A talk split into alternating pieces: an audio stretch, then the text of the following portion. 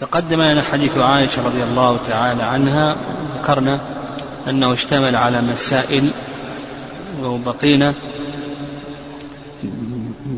من هذه المسائل الحكم على الغائب يعني قضاء القاضي على الغائب. في هذا الحديث دليل على أنه يصح القضاء على الغائب لأن النبي صلى الله عليه وسلم قضى على أبي سفيان وهو غائب. وهذا على القول بأن هذا من قبيل قضاء وإن قلنا بأنه من قبيل الفتية لا يكون فيه دليل. والقضاء على الغائب الحكم على الغائب هذا موضع خلاف بين العلماء رحمهم الله. فأكثر العلماء أن هذا جائز ولا بأس به. يعني لو جاء شخص ودع بدعوة على رجل غائب فإن الحاكم القاضي يقضي له.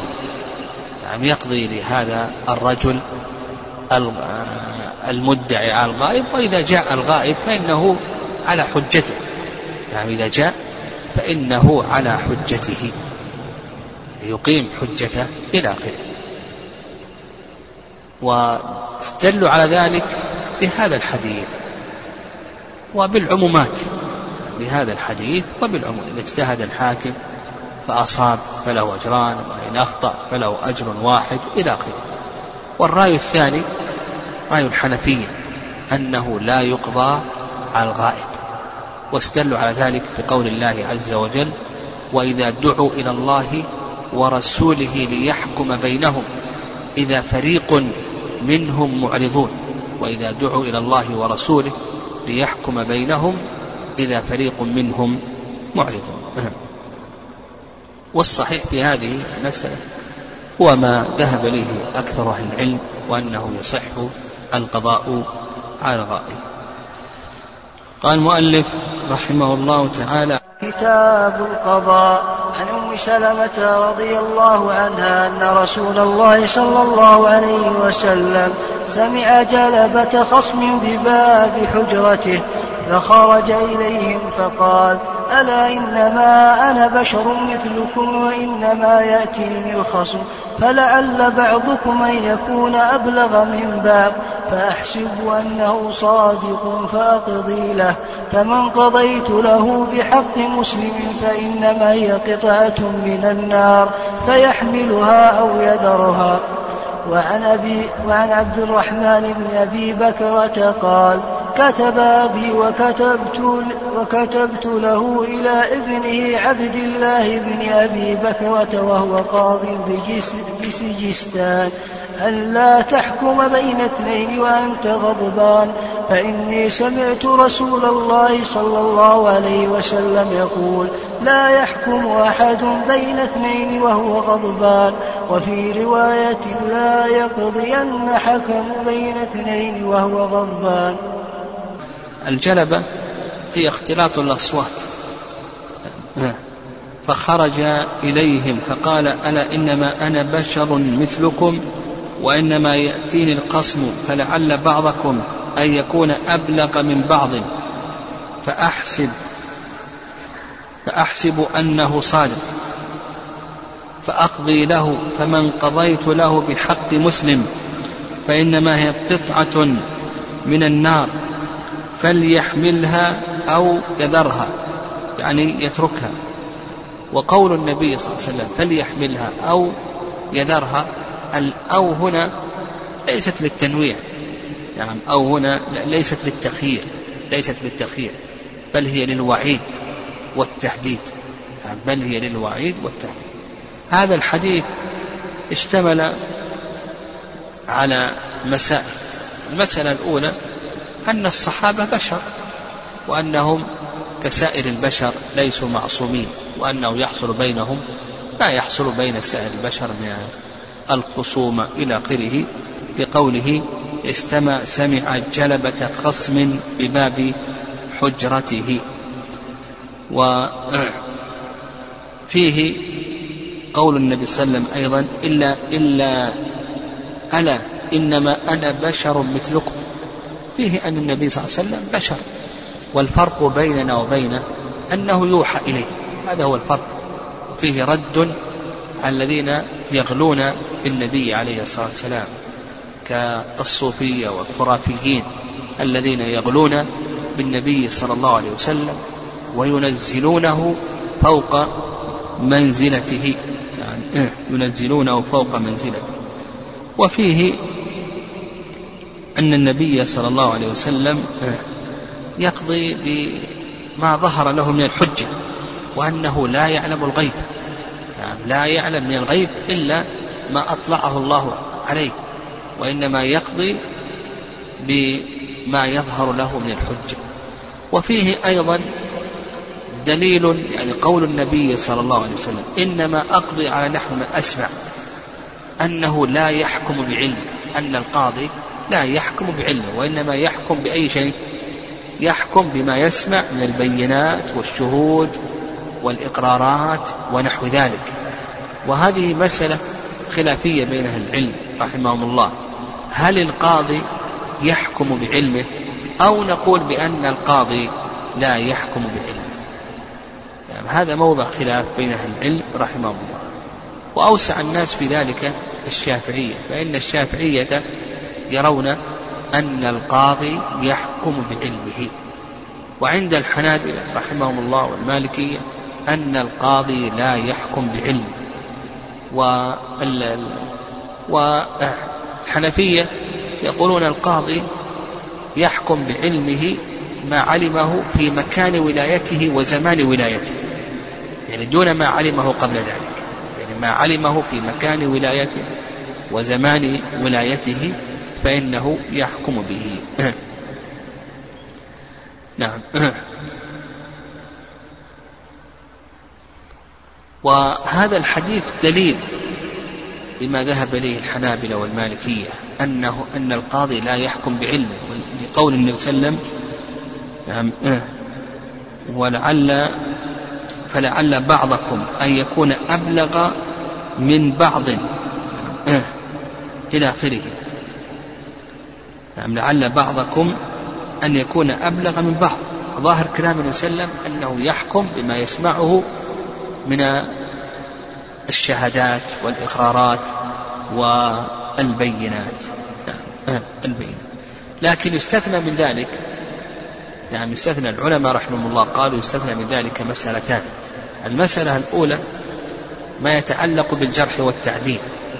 فالقاضي يقضي بعلمه فيما يتعلق بالجرح والتعديل بالنسبة للشهود إلى آخره. وثانيا ما أقر به الخصم. يعني ما أقر به الخصم في مجلس الحكم فإن القاضي يقضي به. طيب.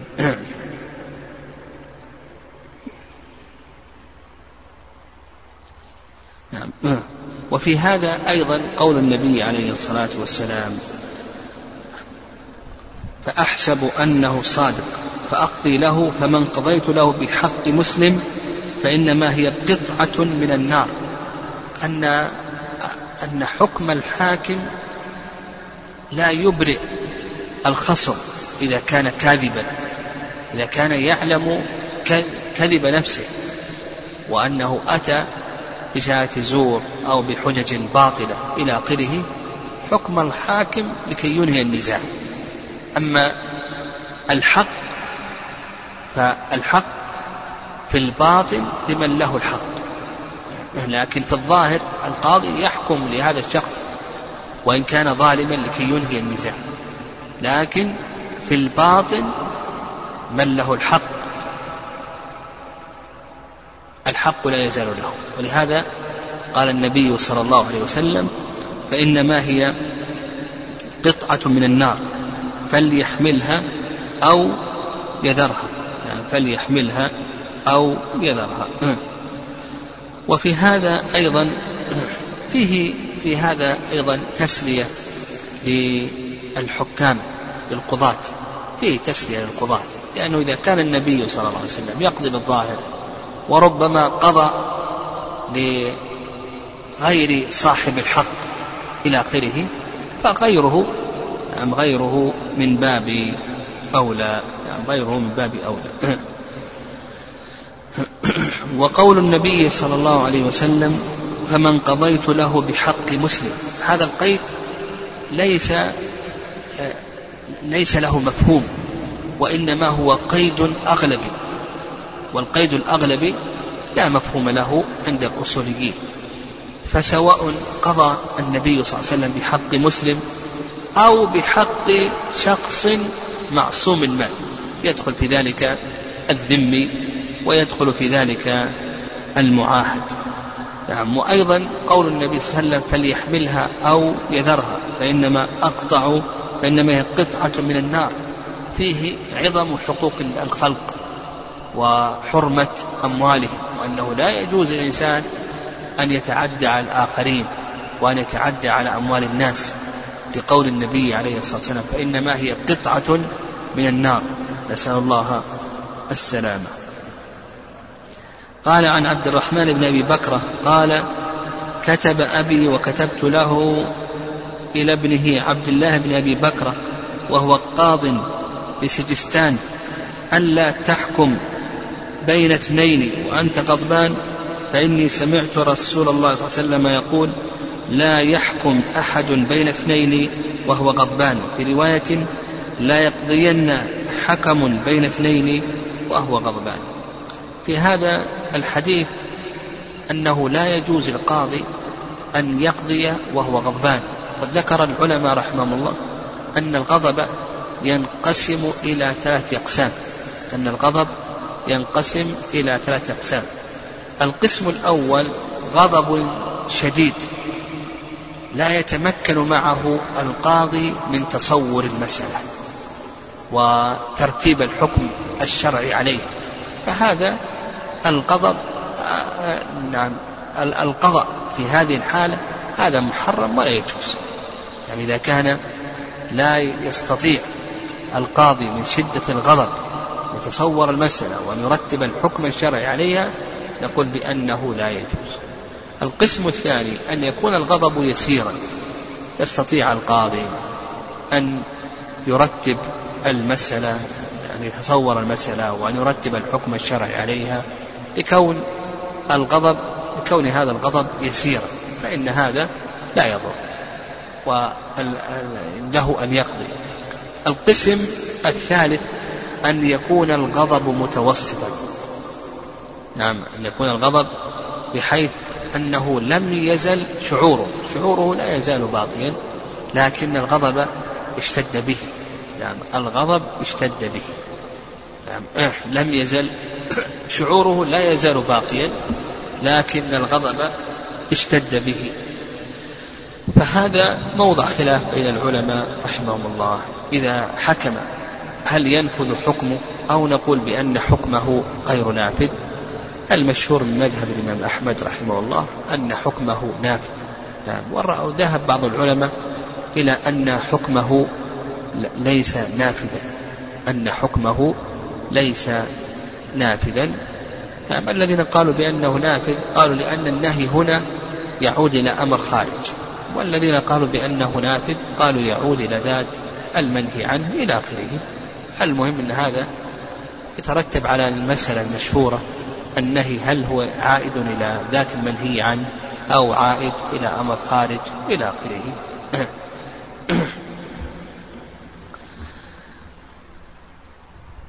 نعم. وأيضا العلة في النهي عن حكم القاضي وهو غضبان ما يحصل من تشويش الذهن. فيقاس على ذلك كل ما فيه تشويش للذهن فإنه لا يقضى حال تشويش الذهن. فمثلا شدة الحر أو شدة البرد وكذلك أيضا إذا كان الإنسان حاقنا أو حاقبا أو حازقا أو آه، عنده آه، جوع شديد إلى آخره. نعم. وفي هذا الحديث المناصحة بين المسلمين فأبو أبو بكر رضي الله تعالى عنه كتب إلى ابنه عبد الله فيه مناصحة القضاة فيه مناصحة الولد إلى آخره لأن أبا بكر كتب إلى ابنه عبد الله رضي الله تعالى عنه. نقف على هذا. سبحانك اللهم.